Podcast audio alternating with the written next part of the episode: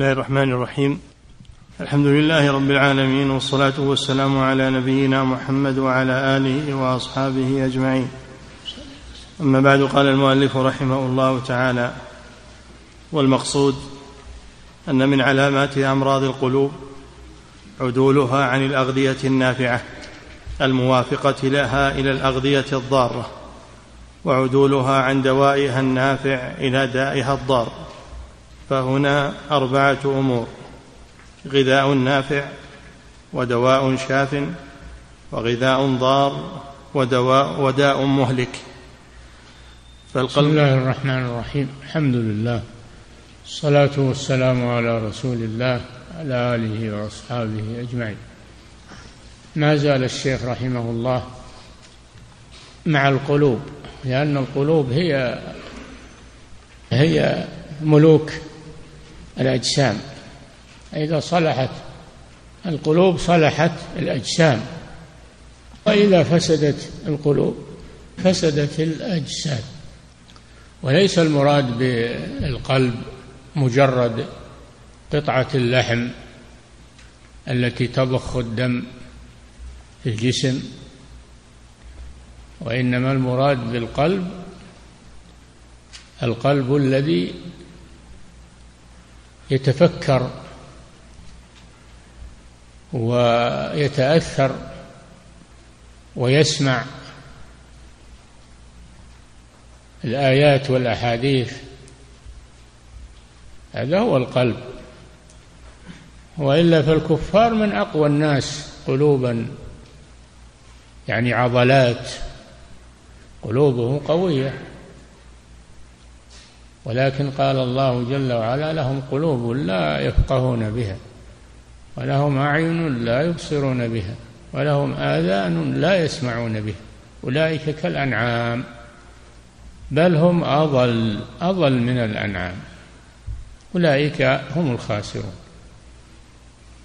هم لهم قلوب وقلوبهم مقصور تفكيرها على الحياة الدنيا. ولا تفكر في الآخرة. ولذلك برزوا في الصناعات والاختراعات والعلوم الدنيوية. ولكنهم أجهل الناس أجهل الناس في علوم الآخرة وعلوم السعادة. وعلوم الخير. ولهذا قال الله جل وعلا إنها لا تعمى الأبصار ولكن تعمى القلوب التي في الصدور.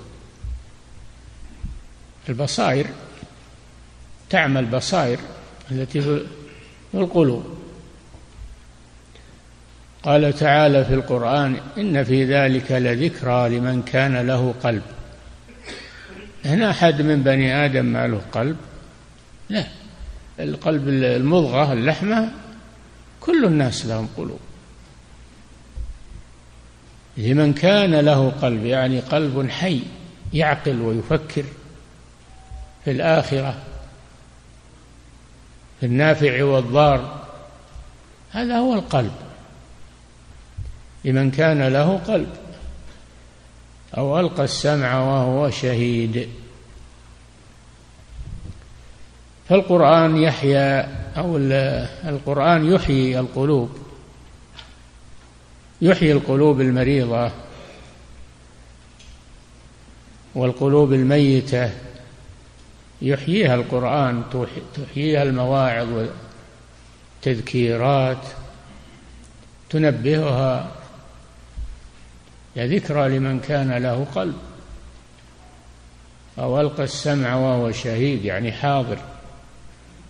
قلبه حاضر لسماع القرآن وتلاوة القرآن.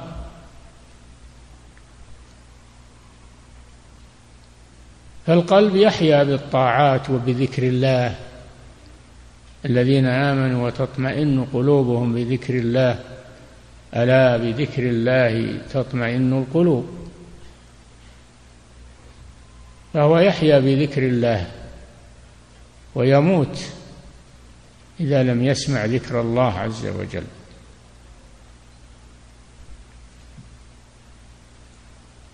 إذا لم يسمع الذكر وإنما يسمع الملاهي والمعازف والمزامير والأغاني يموت مع هذه الأشياء. إذا سمع القرآن والتذكير والمواعظ فإنه يحيا بإذن الله. كذلك القلب يحيا بأكل الحلال والغذاء الحلال الطيب. وعلى العكس يموت مع أكل الحرام. مع أكل الحرام والتغذي بالحرام. فيجب على المسلم أن يعتني بغذائه وما يدخل في جوفه أن يعتني بذلك لأنه يتغذى منه قلبه ويحيا تحيا به بصيرته. وأما الحرام فإنه يطمس القلوب ويعمي البصائر.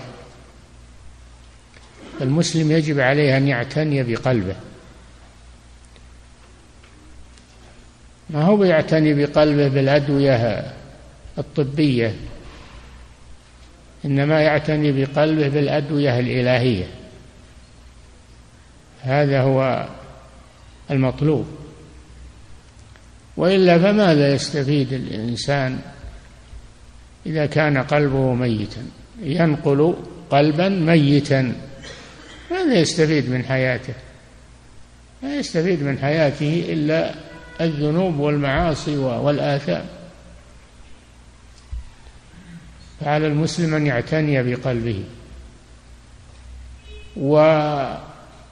والحواس من السمع والبصر. من السمع والبصر هذه منافذ للقلب. فلا ينفذ من سمعه إلى قلبه إلا شيء طيب من الكلام. ولا ينفذ إليه كلام خبيث أو كلام باطل. ولا ينظر ببصره إلا إلى ما فيه فائدة لدينه ودنياه. ولا ينظر إلى المحرمات. وإلى العاريات والمتفسخات. لا ينظر إلى هذه الأشياء لأنها تؤثر في قلبه والنظر سهم مسموم من سهام إبليس. فالإنسان يعتني بسمعه ببصره وبمأكله ومشربه فيغذي قلبه بالغذاء الحلال من الطعام والشراب ومن الذكر وتلاوة القرآن وسماع القرآن. يعتني بقلبه لأن هذه الأشياء التي يراها أو يسمعها هذه تؤثر على قلبه إما خيرا وإما شرا. لا يتساهل الإنسان في هذه الأمور. نعم. فالقلب الصحيح يؤثر النافع الشافي على الضار المؤذي. نعم إذا كان القلب صحيحا وحيا فإنه يؤثر الطيب النافع الشافي. إذا كان القلب ميتا أو مريضا فإنه يؤثر العكس. نعم. والقلب المريض بضد ذلك. نعم. وأنفع الأغذية غذاء الإيمان. نعم أنفع الأغذية غذاء الإيمان. الإيمان بالله عز وجل هو الذي ينفع القلب والكفر يعمي القلب والذنوب والمعاصي تعمي القلب. مؤثرات تؤثر على قلبك ما تؤثر على جسمك وإنما تؤثر على مركز مركز الجسم وهو القلب. وإذا فسد القلب فسد الجسم. قال صلى الله عليه وسلم ألا وإن في الجسد مضغة. إذا صلحت صلح الجسد كله وإذا فسدت فسد الجسد كله. القلب. ألا وهي القلب. نعم. وأنفع الأغذية غذاء الإيمان وأنفع الأدوية دواء القرآن. أنفع الأدوية دواء القرآن. الله جعل القرآن شفاء ورحمة. شفاء للقلوب وشفاء أيضا للأبدان. وشفاء من كل داء من داء من من من أدواء الشكوك والأوهام والوساوس. وأدواء الأبدان بالأمراض الحسية. القرآن شفاء. يا أيها الناس قد جاءتكم موعظة من ربكم وشفاء شفاء لما في الصدور. هدى ورحمة لقوم يؤمنون. قال سبحانه وتعالى في القرآن قل هو للذين آمنوا هدى وشفاء والذين لا يؤمنون في آذانهم وقر وهو عليهم عمى. أولئك ينادون من مكان بعيد. أنت ما ما تنادي الإنسان وهو بعيد ما يسمع. ولا سيما إذا كان إذا كان البعيد هذا معرضا عنك. فإنه لا لا يسمع. لا يسمع ما تقول. ولا ينتبه لما تقول. فالقرآن ينادي القلوب. المقبلة. ولا ولا ينتفع منه القلوب المعرضة الملتفتة إلى غيره. والقرآن نعمة الله على أهل الأرض وهي نعمة باقية ومستمرة لمن يريد أن ينتفع بها. من رحمته سبحانه أن جعل هذا القرآن باقيا باقيا معنا. نسمعه ونقرأه ونتدبره. معجزات الأنبياء عليهم السلام في وقتها وتنتهي لكن معجزة القرآن باقية إلى أن يرفع في آخر الزمان. يرفع من الصدور ومن المصاحف ولا يبقى له بقية. إذا أراد الله نهاية الدنيا يرفع القرآن. ولهذا في الحديث منه بدأ من الله يعني وإليه يعود. وإليه يعود في آخر الزمان. فما دام هذا القرآن موجودا فالدواء موجود. وبإمكان كل عاقل أن يرجع إلى هذا الدواء. وإذا رفع القرآن ماذا يبقى؟ لا يبقى شيء. نعم. وأنفع الأغذية غذاء الإيمان وأنفع الأدوية دواء القرآن وكل منهما فيه الغذاء والدواء. كل من من القرآن من الإيمان كل من الإيمان والقرآن غذاء ودواء في نفس الوقت. غذاء للقلوب وهو أيضا دواء. نعم. ومن علامات صحته أيضا أن يرتحل عن الدنيا حتى ينزل بالآخرة. نعم. أن يرتحل عن الدنيا حتى ينزل بالآخرة ويحل فيها حتى يبقى كأنه من أهلها وأبنائها. جاء إلى هذه الدار غريبا يأخذ منها حاجته ويعود إلى وطنه. كما قال النبي صلى الله عليه وسلم لعبد الله بن عمر رضي الله عنهما كن في الدنيا كأنك غريب أو عابر سبيل وعد نفسك من أهل القبور. نعم. وصية النبي صلى الله عليه وسلم لابن عمر وهي وصية لكل الأمة. يقول كن في الدنيا كأنك غريب. معروف إن الغريب في غير بلده ما ينشرح صدره بل دائما يتذكر وطنه وقومه وأهله. ويود الرجوع إليهم. أو عابر سبيل مسافر يعني. المسافر ما يطمئن في البلد غير بلده بل يأخذ حاجته ويمشي في طريقه إلى بلده. فالإنسان متعلق قلبه بوطنه. دائما وأبدا. وكم من منزل في الأرض يألفه الفتى وحنينه أبدا لأول منزل.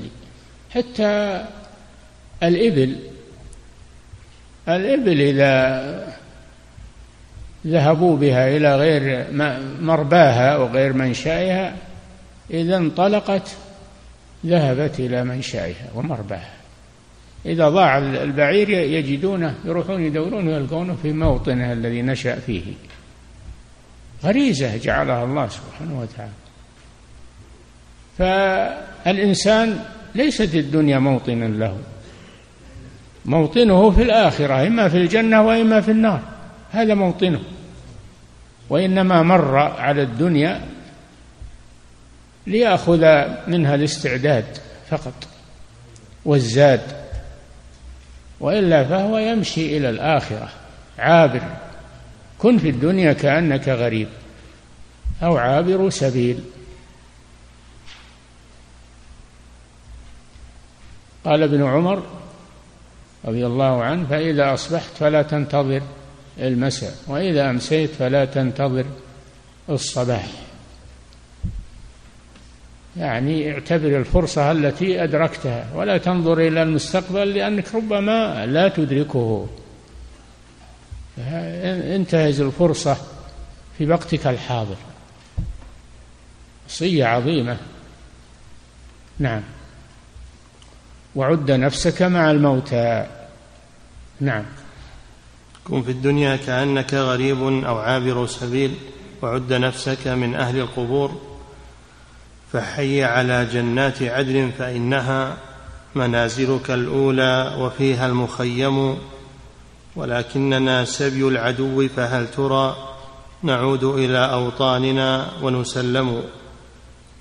نعم هذه من قصيدة ابن القيم الميمية المشهورة قصيدة عظيمة ميمية ومنها هذين هذان البيتان.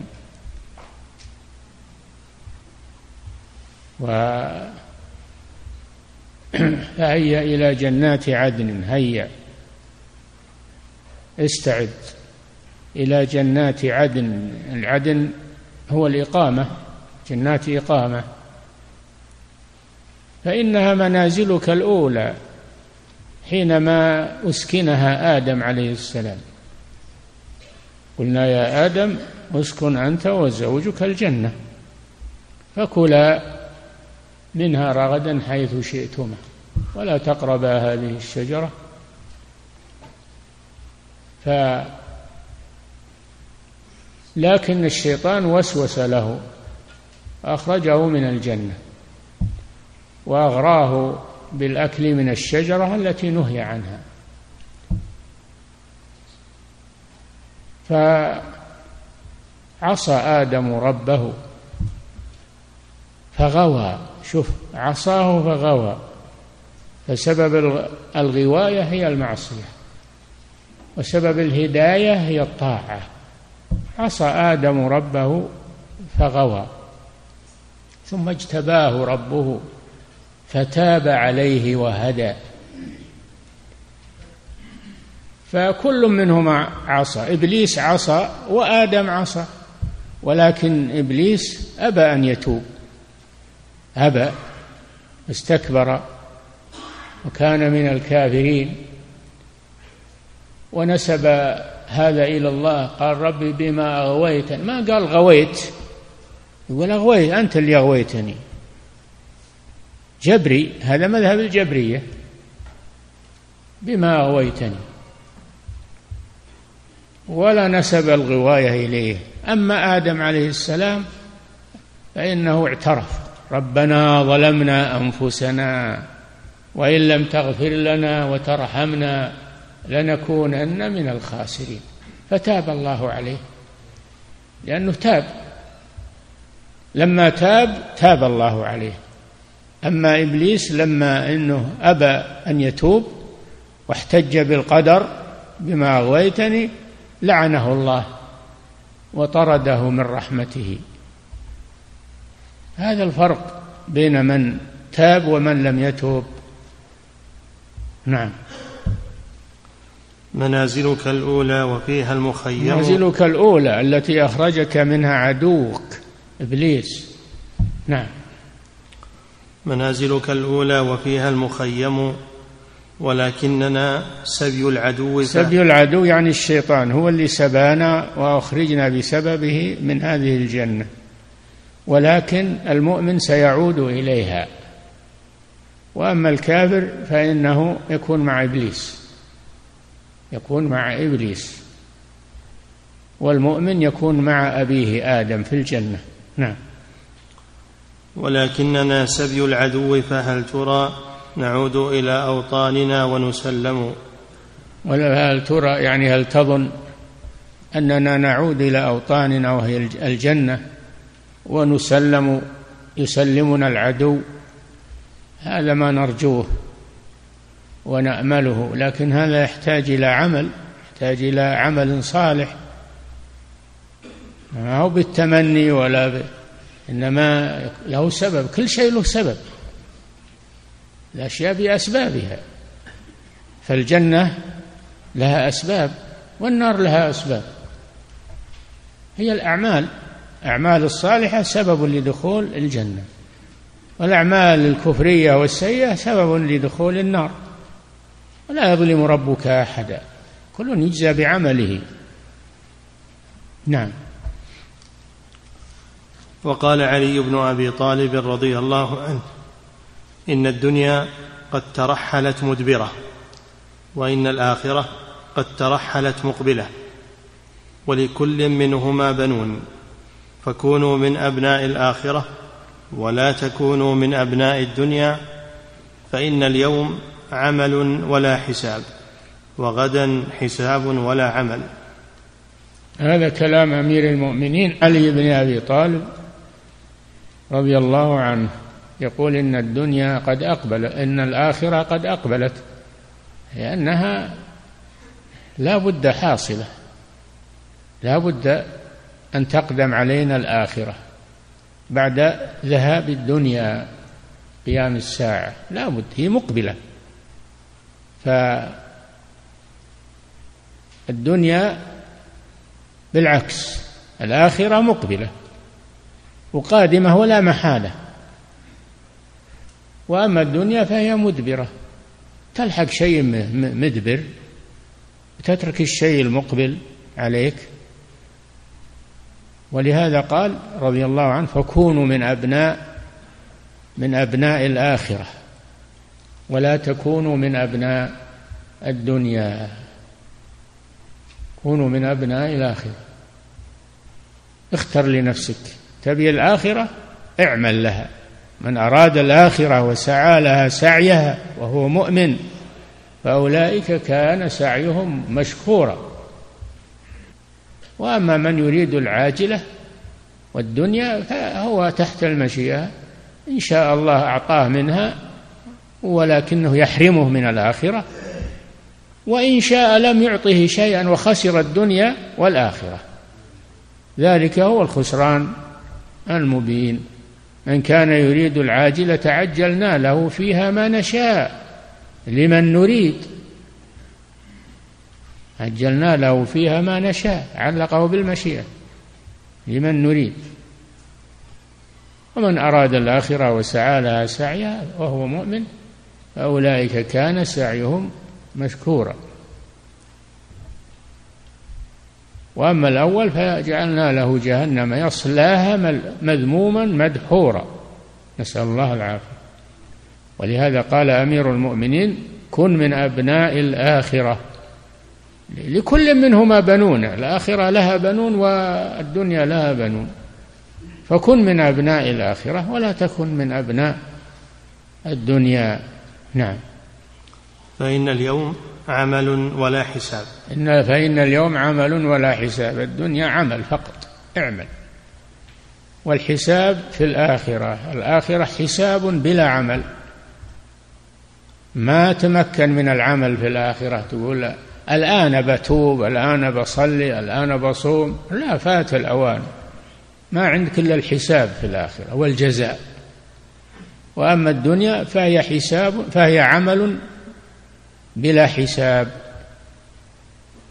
لأن الحساب وقته في الآخرة والدنيا وقتها وقت العمل. تنبه لهذا. نعم.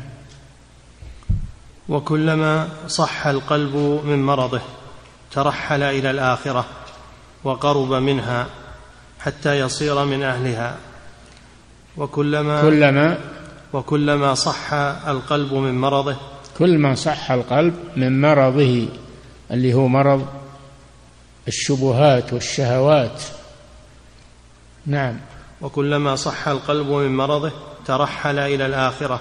ترحل إلى الآخرة وإن كان في الدنيا فتجده متعلقا بالآخرة. لا يفكر إلا في الآخرة. يعمل لها بالساعات والدقائق. نعم.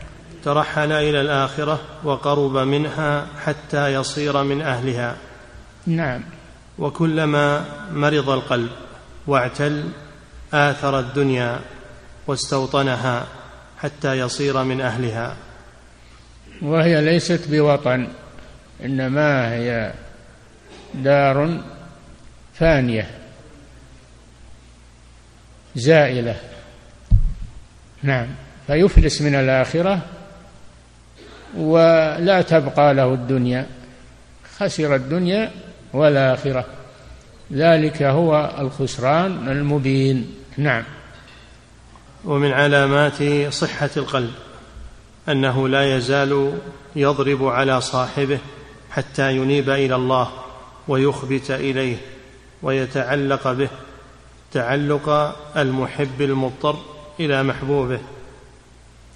من علامات صحة القلب أنه دائما أنه دائما يحث صاحبه على العمل الصالح يذكره بالله يحن إلى الآخرة. هذه علامة صحته. ومن علامة مرضه أنه ينسى الآخرة. ينسى الآخرة وإنما همه الدنيا. نعم. ومن علامات صحة القلب أنه لا يزال يضرب على صاحبه. حتى ينيب إلى الله ويخبت إليه ويتعلق به تعلق المحب المضطر إلى محبوبه الذي لا حياة ولا فلاح ولا نعيم ولا سرور إلا برضاه وبقربه والأنس به فبه يطمئن نعم. وإليه يسكن وإليه يأوي وبه يفرح وعليه يتوكل وبه يثق وإياه يرجو وله يخاف. يعني يتعلق قلبه بالله دائما وابدا. يتعلق قلبه بالله فيعمل كل ما يقربه إلى الله إلى أن يلقى الله سبحانه وتعالى. لقاء الحبيب بمحبوبه. نعم. فذكره قوته وغذاؤه. ومحبته ذكره لله قوته وغذاؤه. لا بالطعام والشراب وإنما بذكر الله. يعيش على ذكر الله.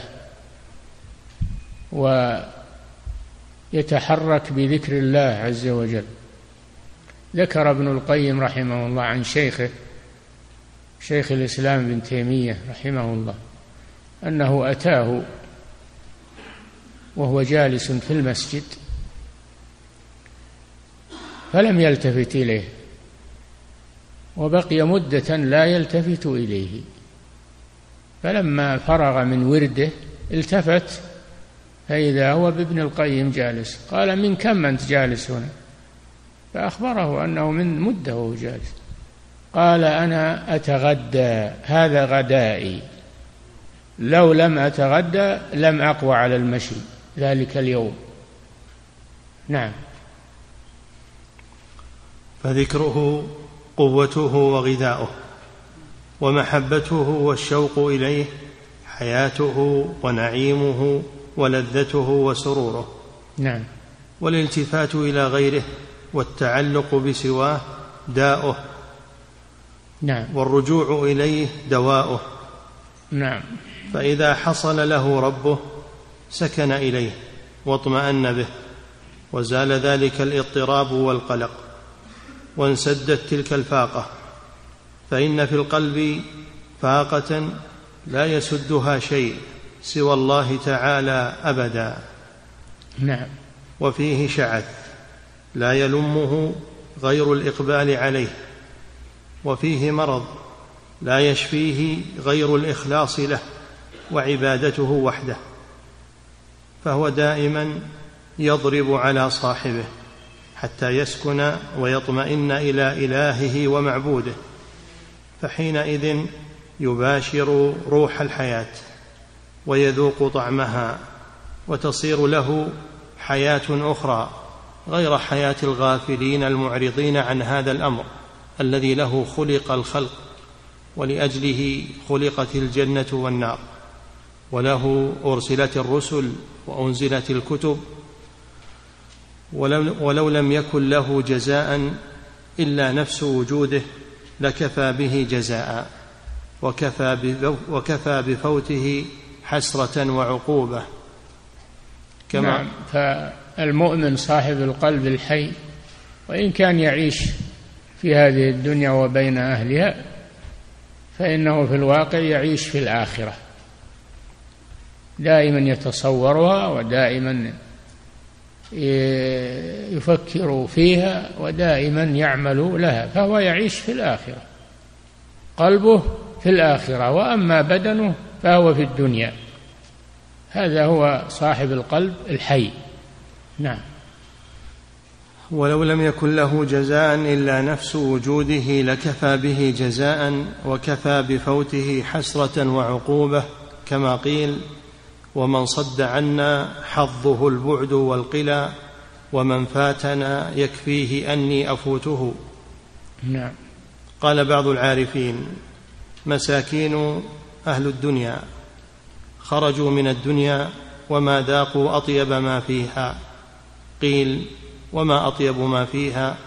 قال محبة الله والأنس به والشوق إلى لقائه والتنعم بذكره وطاعته.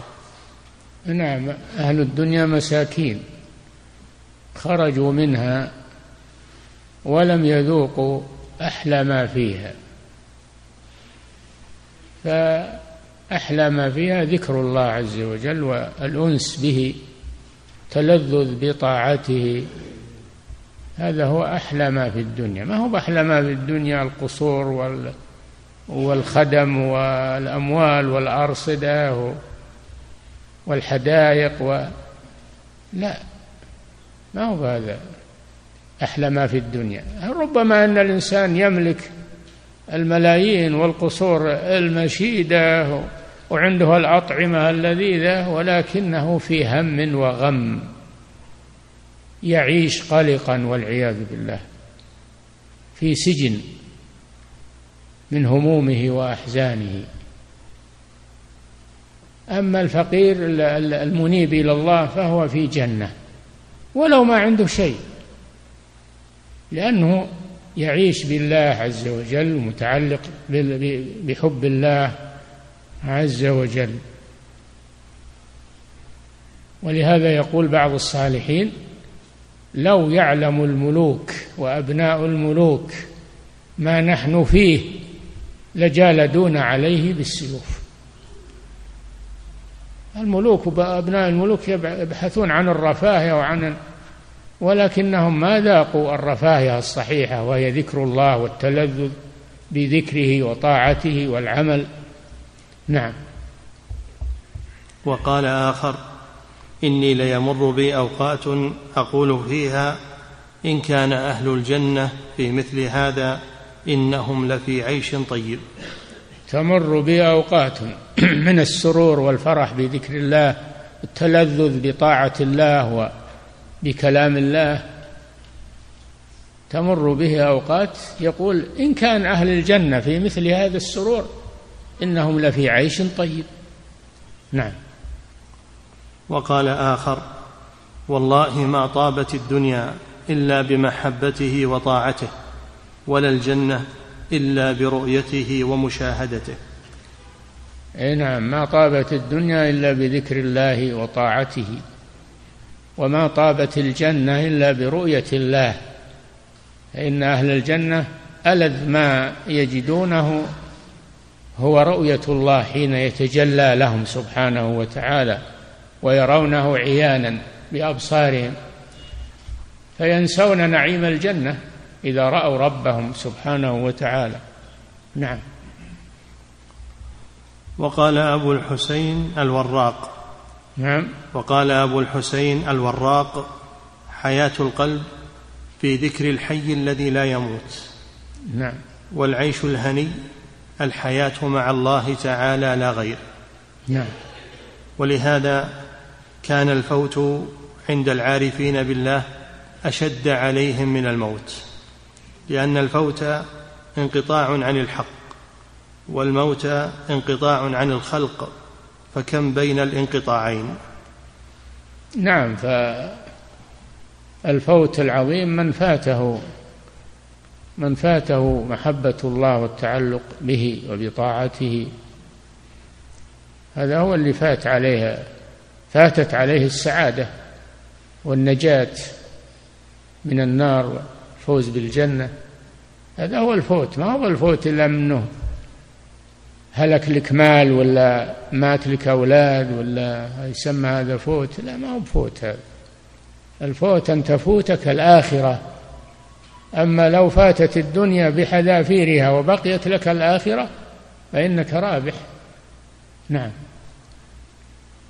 وقال آخر من قرت عينه بالله تعالى قرت به كل عين ومن لم تقر عينه بالله تعالى تقطع قلبه على الدنيا حسرات.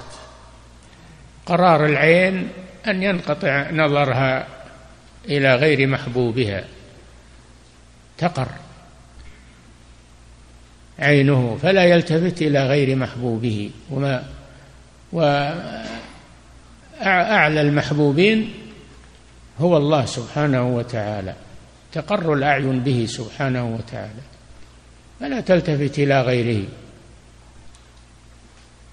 نعم.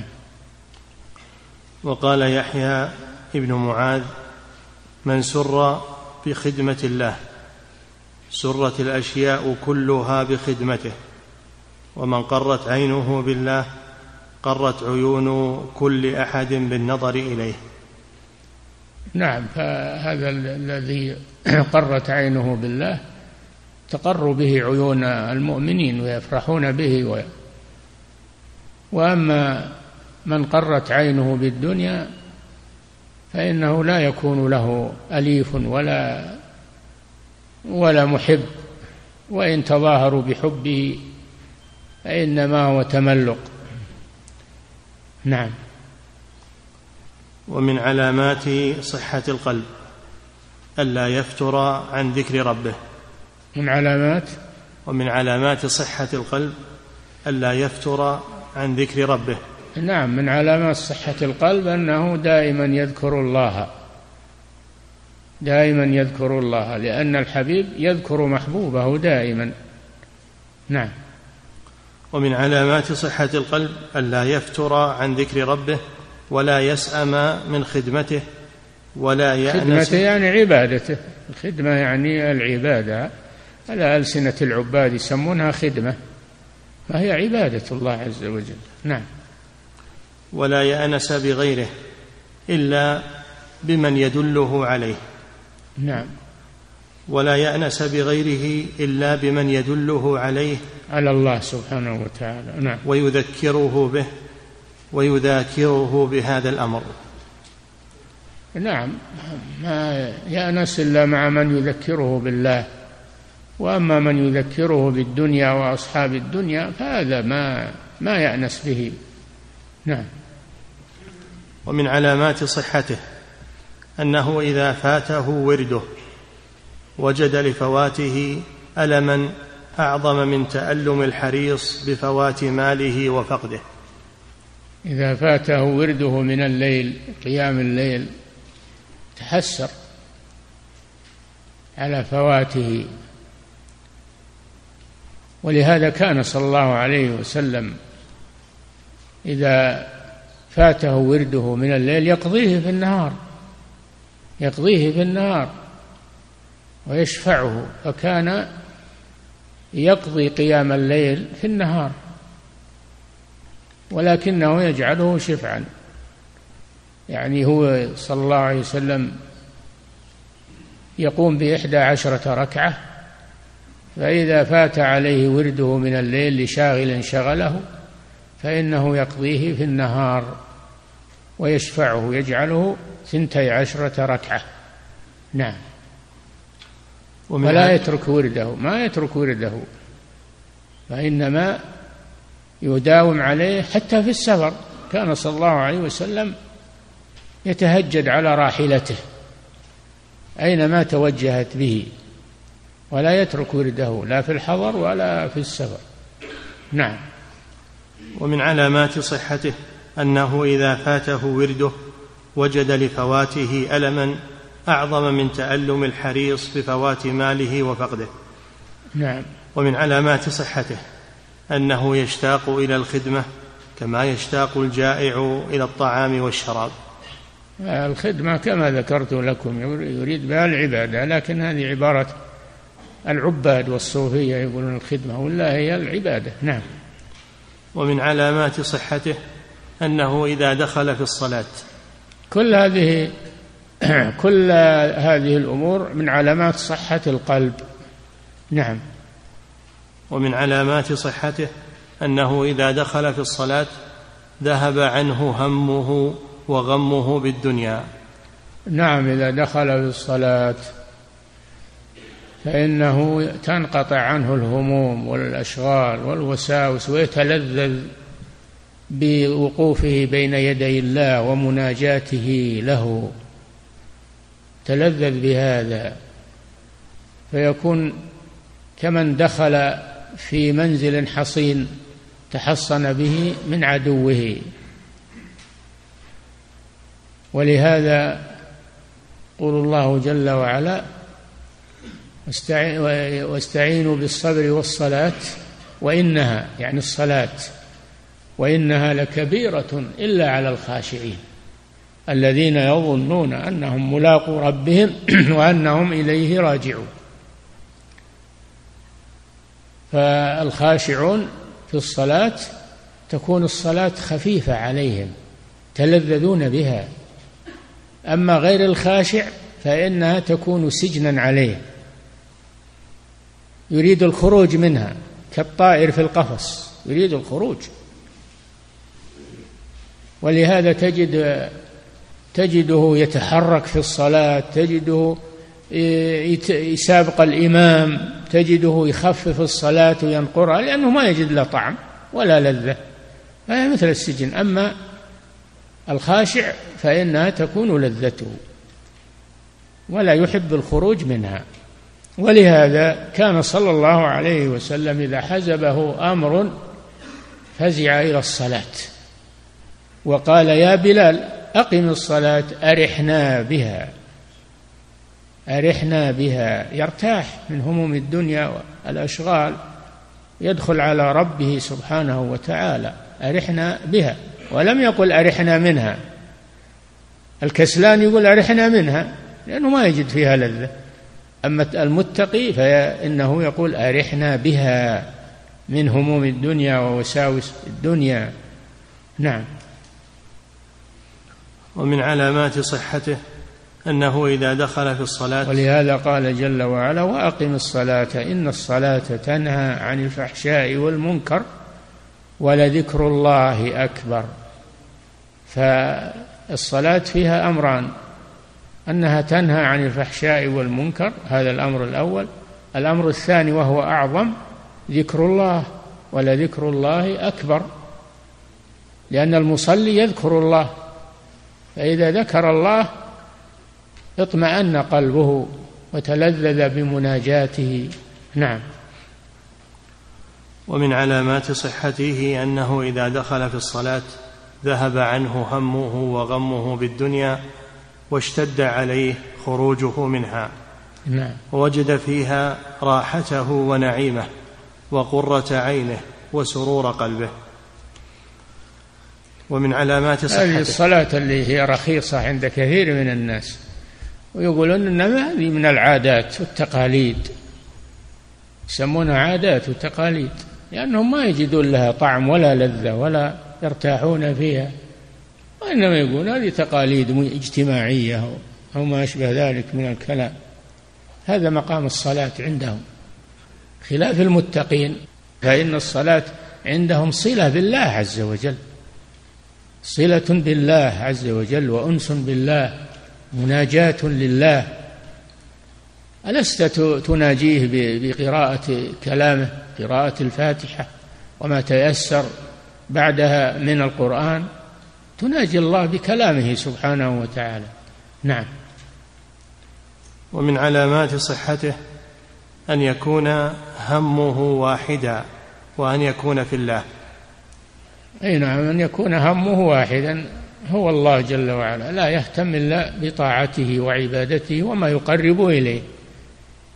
فلا يكون مشغولا بهموم كثيرة مثل من فاته آه، ذكر الله عز وجل فإنه تكثر عليه الهموم والوساوس والأحزان أما ذكر الله فإنه فإنه يريح القلوب. من الوساوس والهموم والأحزان الذين آمنوا وتطمئن قلوبهم بذكر الله. ألا بذكر الله تطمئن القلوب. الذين آمنوا وعملوا الصالحات طوبى لهم وحسن مآب. نعم. ومن علامات صحته أن يكون أشح بوقته أن يذهب ضائعا من أشد الناس شحا بماله. من علامات صحة القلب أنه يحفظ وقته أن صاحبه يحفظ وقته ولا يضيع منه شيئا في اللهو واللعب والغفلة لأنه خسارة عليه يوم القيامة. هذا الوقت اللي ضيعته تخسره يوم القيامة. قال تعالى والعصر إن الإنسان لفي خسر إلا الذين آمنوا وعملوا الصالحات وتواصوا بالحق وتواصوا بالصبر. فهذا الوقت الذي يضيع عليك هذا خسارة عليك. لا تعوض. ف ولهذا قال والعصر يعني الوقت. الوقت له قيمة. والأشقياء يطول عليهم الوقت. يقول خلنا نقتل الوقت.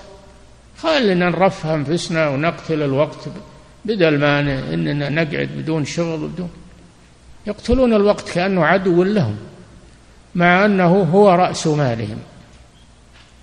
إذا حفظوه هو رأس مالهم من هذه الدنيا إذا حفظوه وهم يقتلونه. يقتلونه بأي شيء بالضحك والسفاهة أو بالباطل أو بالشهوات المحرمة. نعم قتلوه صحيح إنهم قتلوه.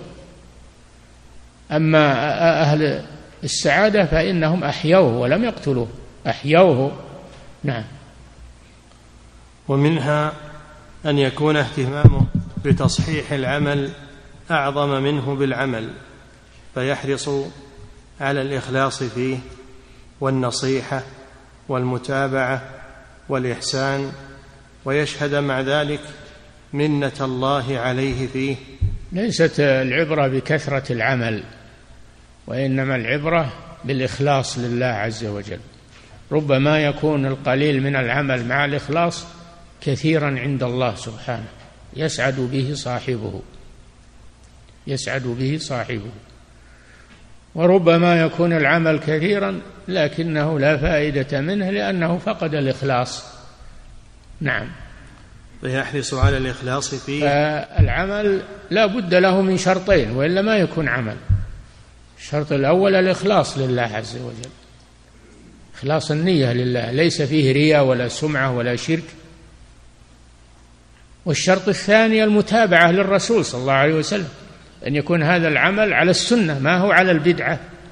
فإن العمل المبتدع مردود على صاحبه لا يقبل. تعب على صاحبه.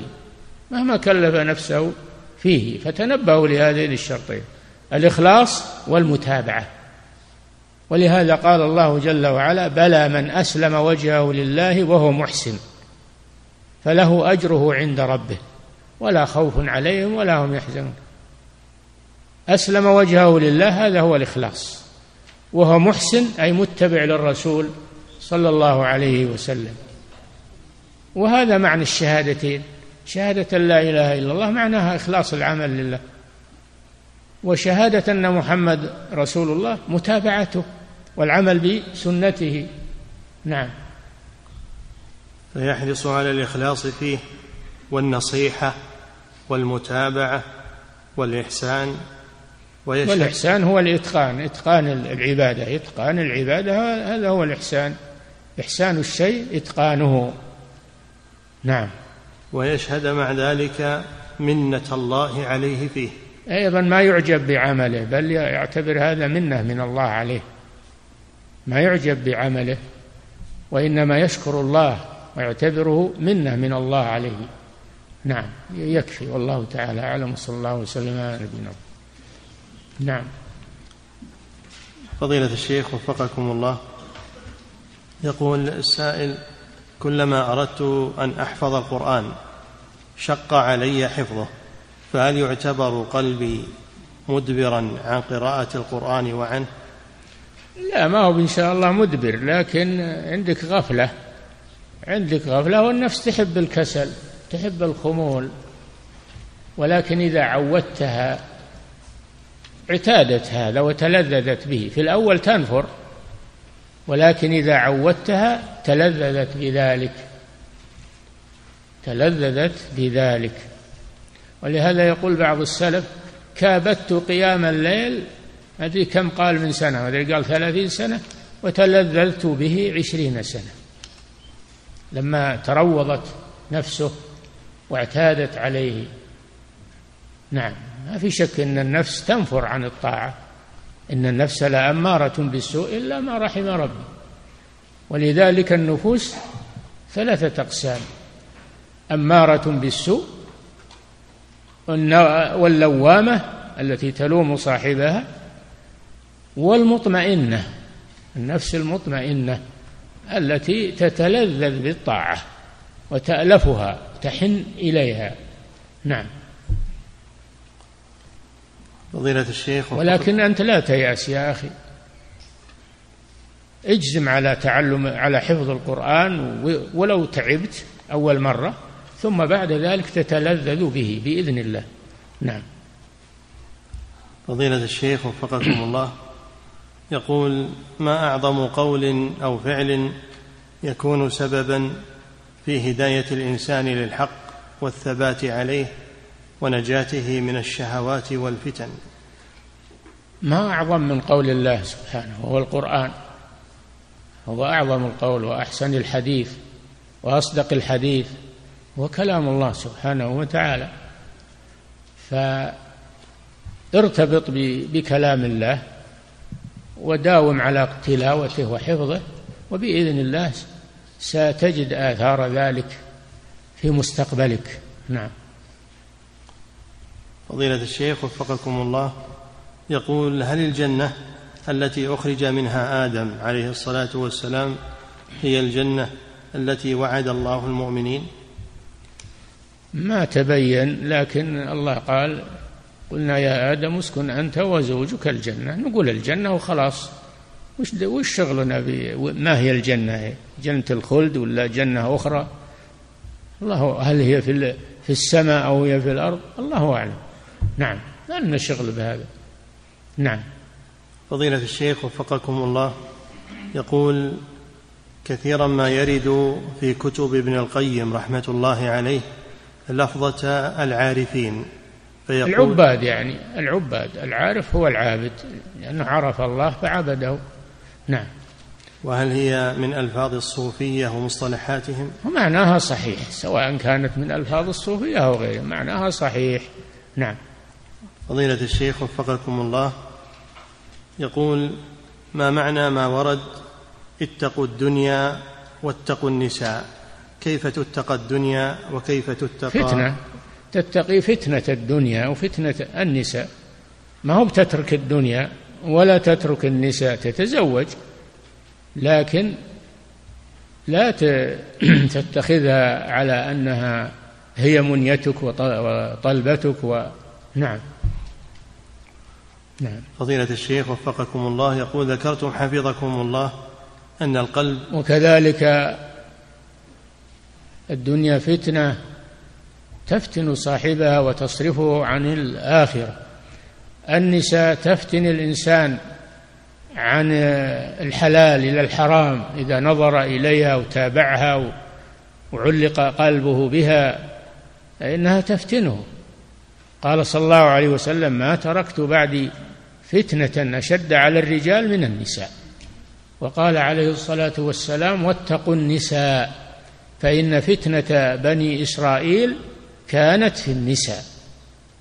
فتنة ما في شك. نعم. ولذلك تجدهن الشيطان يبرزهن أمام الناس ويعريهن أمام الناس ويزينهن لأجل أن الناس يفتنون بهن يتبعونهن. ولذلك المرأة تعرض نفسها في في المجالس في في القنوات في الشاشات تعرض نفسها في في الندوات في في الحفلات تعرض نفسها وتتجمل بأشد ما تجد من الزينة لأجل تفتن الرجال. مش لأجل لأجل تفتن الرجال. نعم. فضيلة الشيخ وفقكم الله. يقول ذكرتم حفظكم الله أن القلب الذي يضخ الدم ليس هو المقصود. يقول ما القلب المقصود في قوله سبحانه فإنها لا تعمى الأبصار ولكن تعمى القلوب التي في الصدور. فهل هو قلب معنوي؟ المراد بالقلوب التي في الصدور أنها لا ت... أنها القلوب تغفل عن الله عز وجل فتعمى. إذا عميت لا فائدة فيها. فالقلب يراد به القطعة اللحمية. ألا إن في الجسد مضغة إذا صلحت صلح الجسد. هذه القلب الخلقي أو الخلقي. أما القلب الصحيح فهو القلب الذي الحي الواعي الذي يذكر الله ويعبد الله عز وجل ويحب الله. هذا هو القلب الصحيح. نعم. فضيلة الشيخ وفقكم الله يقول يقول ابن القيم رحمة الله عليه إن في القلب فاقة. يقول ما معنى فاقة؟ فقر يعني. معنى الفاقة الفقر. وهذا الفقر لا يسده إلا الله عز وجل تعلق بالله. وإلا فإنه يبقى فقيرا دائما ولا يغنيه شيء. نعم. وكذلك حفظك الله يقول وفيه شعث. ما معنى هذه الكلمة؟ تفرق. شعث يعني تفرق. هموم. هموم متفرقة. ولا يجمعه إلا ذكر الله عز وجل. نعم. فضيلة الشيخ وفقكم الله يقول هل الإنسان الذي يقع في المحرمات ولم يتب منها يعتبر من أصحاب القلوب الميتة؟ نعم. الذنوب تميت القلوب. رأيت الذنوب تميت القلوب ويورث الذلة إدمانها يقول آه الإمام آه الإمام آه ابن المبارك الإمام عبد الله ابن المبارك رحمه الله. يقول رأيت الذنوب تميت القلوب ويورث الذلة إدمانها. وهل أفسد الدين إلا الملوك وأحبار سوء ورهبانها؟ مراد بالملوك الضالين والعلماء الضالين هم اللي يفسدوا الدين. وهل أفسد الدين إلا الملوك وأحبار سوء ورهبانها؟ نعم. فضيلة الشيخ وفقكم الله. يقول إذا كان القلب حيا صحيحا فكيف يستطيع الإنسان أن يثبته على هذا الأمر؟ الله هو اللي يثبته ما هو بالإنسان اللي يثبت يا مقلب القلوب. الرسول صلى الله عليه وسلم يقول يا مقلب القلوب والأبصار ثبت قلبي على دينك. اللي يثبته هو الله سبحانه وتعالى. ولكن الأعمال الصالحة والطاعات هذه سبب سبب للثبات بإذن الله. نعم. فضيلة الشيخ وفقكم الله. يقول السائل إذا فاتني القلوب يقول صلى الله عليه وسلم القلوب بين أصبعين من أصابع الرحمن. إذا أراد أن يقلب قلب عبد قلبه. نعم. فضيلة الشيخ وفقكم الله. يقول السائل إذا فاتني قيام الليل وأردت أن أقضيه في النهار فهل يشرع الجهر بالقراءة؟ إي نعم لا بس إذا إذا قضيت صلاة الليل في النهار لفواتها تجهر بها. هذا هو السنة. وإذا أسرت فلا مانع. الجهر في الليل هذا السنة. ما هو ما هو بواجب. نعم. فضيلة الشيخ وفقكم الله يقول النبي صلى الله عليه وسلم لما قضى صلاة الفجر لما ناموا عنها لما قضاها جهر بالقراءة في الضحى. نعم. فضيلة الشيخ وفقكم الله. يقول السائل إذا أكثرت من العمل الصالح فإنني أشعر أحيانا بأنني قد أصبحت من عباد الله الصالحين. إيه لا تعجب بعملك اعتبرك من أقل الناس في العبادة و لا تستكثر عملك ولا تمنن تستكثر. اعتبرك مقصرا. دائما وابدا ولن تفي بحق الله عليك ولكن الله يعفو سبحانه وتعالى. نعم. يقول حفظك الله يقول فإذا أصبت بهذا العجب فإنني أقوم بارتكاب ذنوب متعمدا لكي يزول هذا الأمر. فهل نعم. هذا إيش؟ يقول فإذا أصبت بهذا أعد السؤال من أوله. يقول أنا أكثر من الأعمال الصالحة فأشعر في نفسي بأني قد أصبحت من عباد الله الصالحين. ويأخذني العجب بنفسي فأقوم بارتكاب ذنوب لكي أتخلص من إيه هذا هذا, هذا الشيطان هو اللي يملأ عليك هالكلام هذا. لا يتجنب الذنوب. لا تفسد الطاعات بالمعاصي. تقول هذا علشان أتواضع. لا عليك بالإكثار من العمل الصالح ومن ذكر الله عز وجل. أما الذنوب فهي تزيدك شرا وبعدا عن الله عز وجل. نعم. وهذا الكلام الذي سمعناه أن الإنسان إذا خشي من الإعجاب في العمل الصالح أنه يعمل المعاصي علشان أنه يذهب عنه الإعجاب هذا من إملاء الشيطان. سمعنا من هذا الشيء الكثير. يقول لا تروح تصلي مع الجماعة لئلا تصاب بالرياء. ومن يترك صلاة الجماعة يصلي بالبيت علشان ما يصاب بالرياء.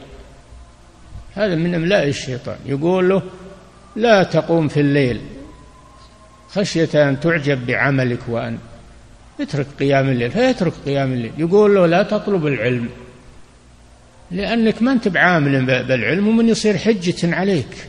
لا تطلب العلم. هذا كله من إملاء الشيطان. المسلم يتوكل على الله. توكل على الله ويعمل الأعمال الصالحة ويستعيذ بالله من الفتن ومن الشرور. والله جل وعلا يحميه. نعم. فضيلة الشيخ وفقكم الله يقول هل مجالسة أهل البدع تمرض, تمرض القلوب؟ بلا شك إن الجليس يقتدي بجليسه ويؤثر عليه.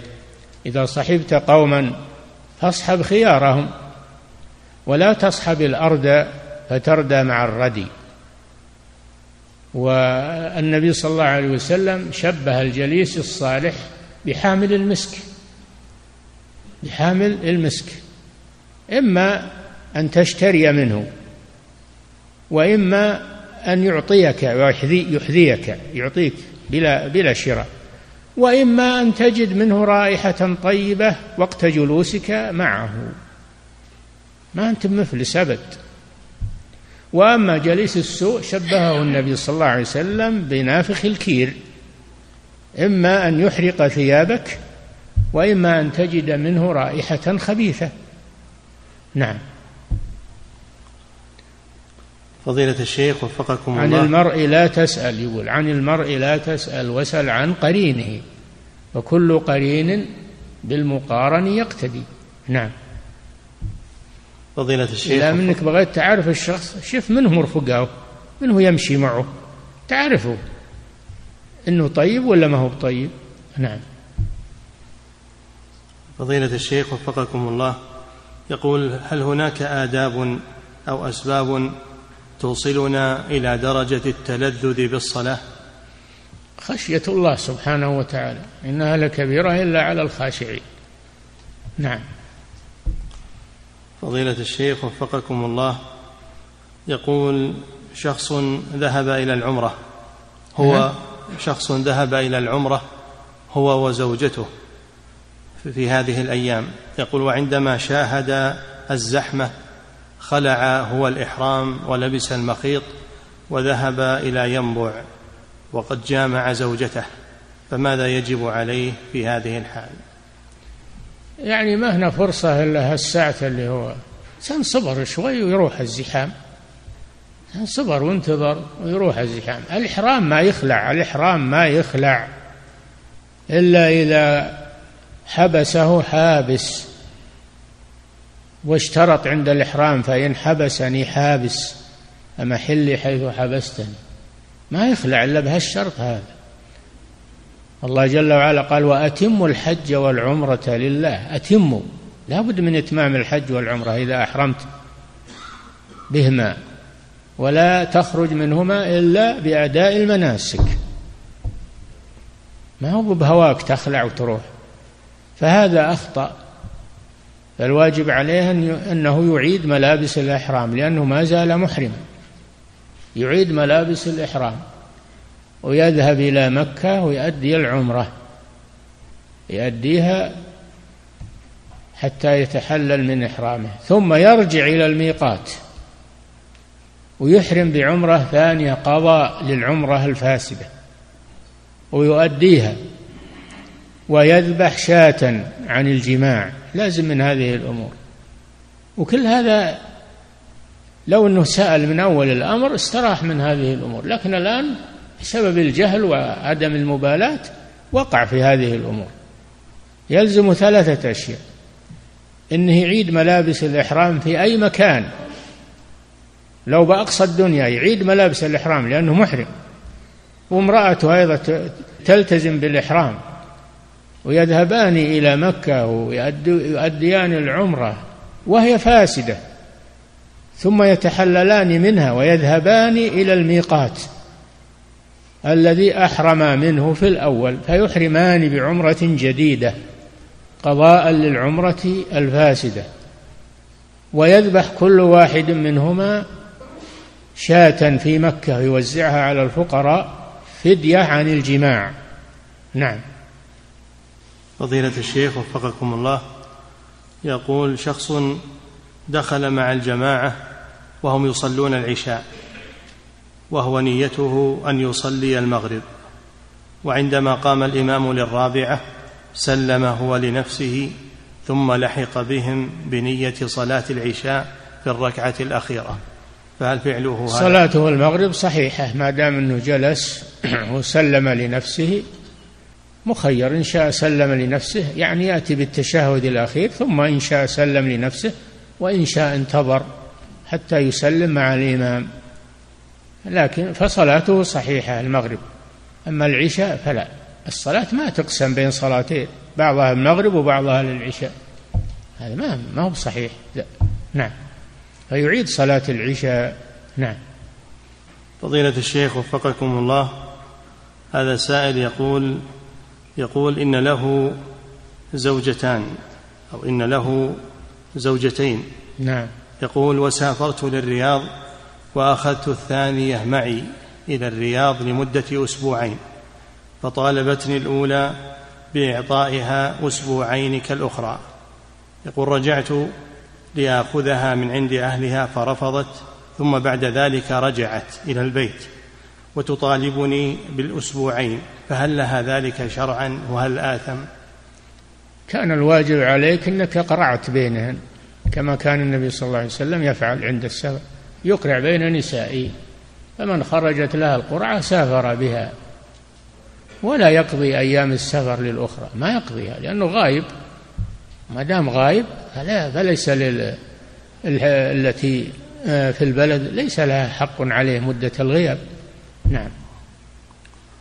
فضيلة الشيخ وفقكم الله يقول السائل هل يجوز لي اللقاء بالمخطوبة بحضور شهود بقصد أن أسألها عن بعض الأمور تتعلق بالنكاح؟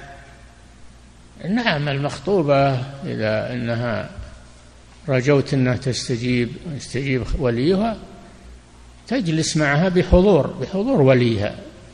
أو شهود حضور وليها يكفي. وتنظر إلى ما يرغبك فيها من النظر إلى وجهها وكفيها وشعر رأسها. أباح الشارع النظر إلى المخطوبة بهذا المقدار. فإن صلحت لك تقدم على الزواج بها وإن لم تصلح لك تركتها. نعم.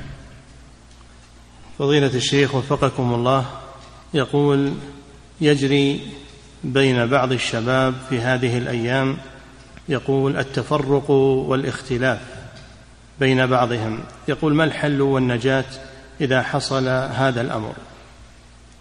نعم هذا شيء فتنة هذه فتنة وقعت بين الناس. وهناك دعاة ضلال ومحرشون يحرشون بين الناس ليفسدوا بينهم. هناك نمامون مغتابون فيجب الحذر منهم ويجب على المسلمين التآخي والتصالح إنما المؤمنون إخوة. فأصلحوا بين أخويكم. ترك هذه المشاحنات وهذه المشاجرات. هذه من الشيطان وأعوان الشيطان. عليهم أن يصلحوا ذات بينهم ويتقوا الله عز وجل. يتركوا هذه الأمور ويحذروا من النمامين والمغتابين والمفسدين. نعم. فضيلة الشيخ وفقكم الله يقول إذا وافق ذبح النصارى الصورة الشرعية فهل نسألهم عن التسمية قبل الذبح؟ لا. إذا ذبحوا على الطريقة الشرعية فكل من ذبائحهم لأن الله أباحها. طعام الذين أوتوا الكتاب حل لكم يعني الذبائح طعامهم ذبائحهم. طعام الذين أوتوا الكتاب حل لكم. فإذا ذبحها على الطريقة الشرعية يكفي هذا ولا تسأل هل سمى عليها أو لا. نعم. فضيلة الشيخ وفقكم الله يقول السائل أريد أن أشتري لولدي الكبير قطعة أرض ثم يسدد ثمنها لي بعد ذلك فهل يجوز لي هذا مع أن لي أولادا صغارا؟ إذا بعتها عليه بيع مثل ما تبيع على غيره سواء بثمن حاضر أو ثمن مؤجل ما يخالف. ما تعطيها إياه عطاء دون إخوته أما البيع جائز إذا كان بثمن مثلها نعم. فضيلة الشيخ وفقكم الله يقول هل أكل كبد الإبل ومرق لحم الإبل؟ يكون هل أكل كبد الإبل وشرب مرق لحم الإبل يكون ناقضا للوضوء. شرب المرق لا هذا بالإجماع ما ينقض الوضوء لأنه ليس لحما. وأما الكبد والكرش هذه محل خلاف بين العلماء والاحتياط أنك تتوضأ لأن كله يشمله اسم لحم الإبل. نعم. مؤسسة الدعوة الخيرية الدعوة إلى الله هدفنا والتقنية الحديثة وسيلتنا.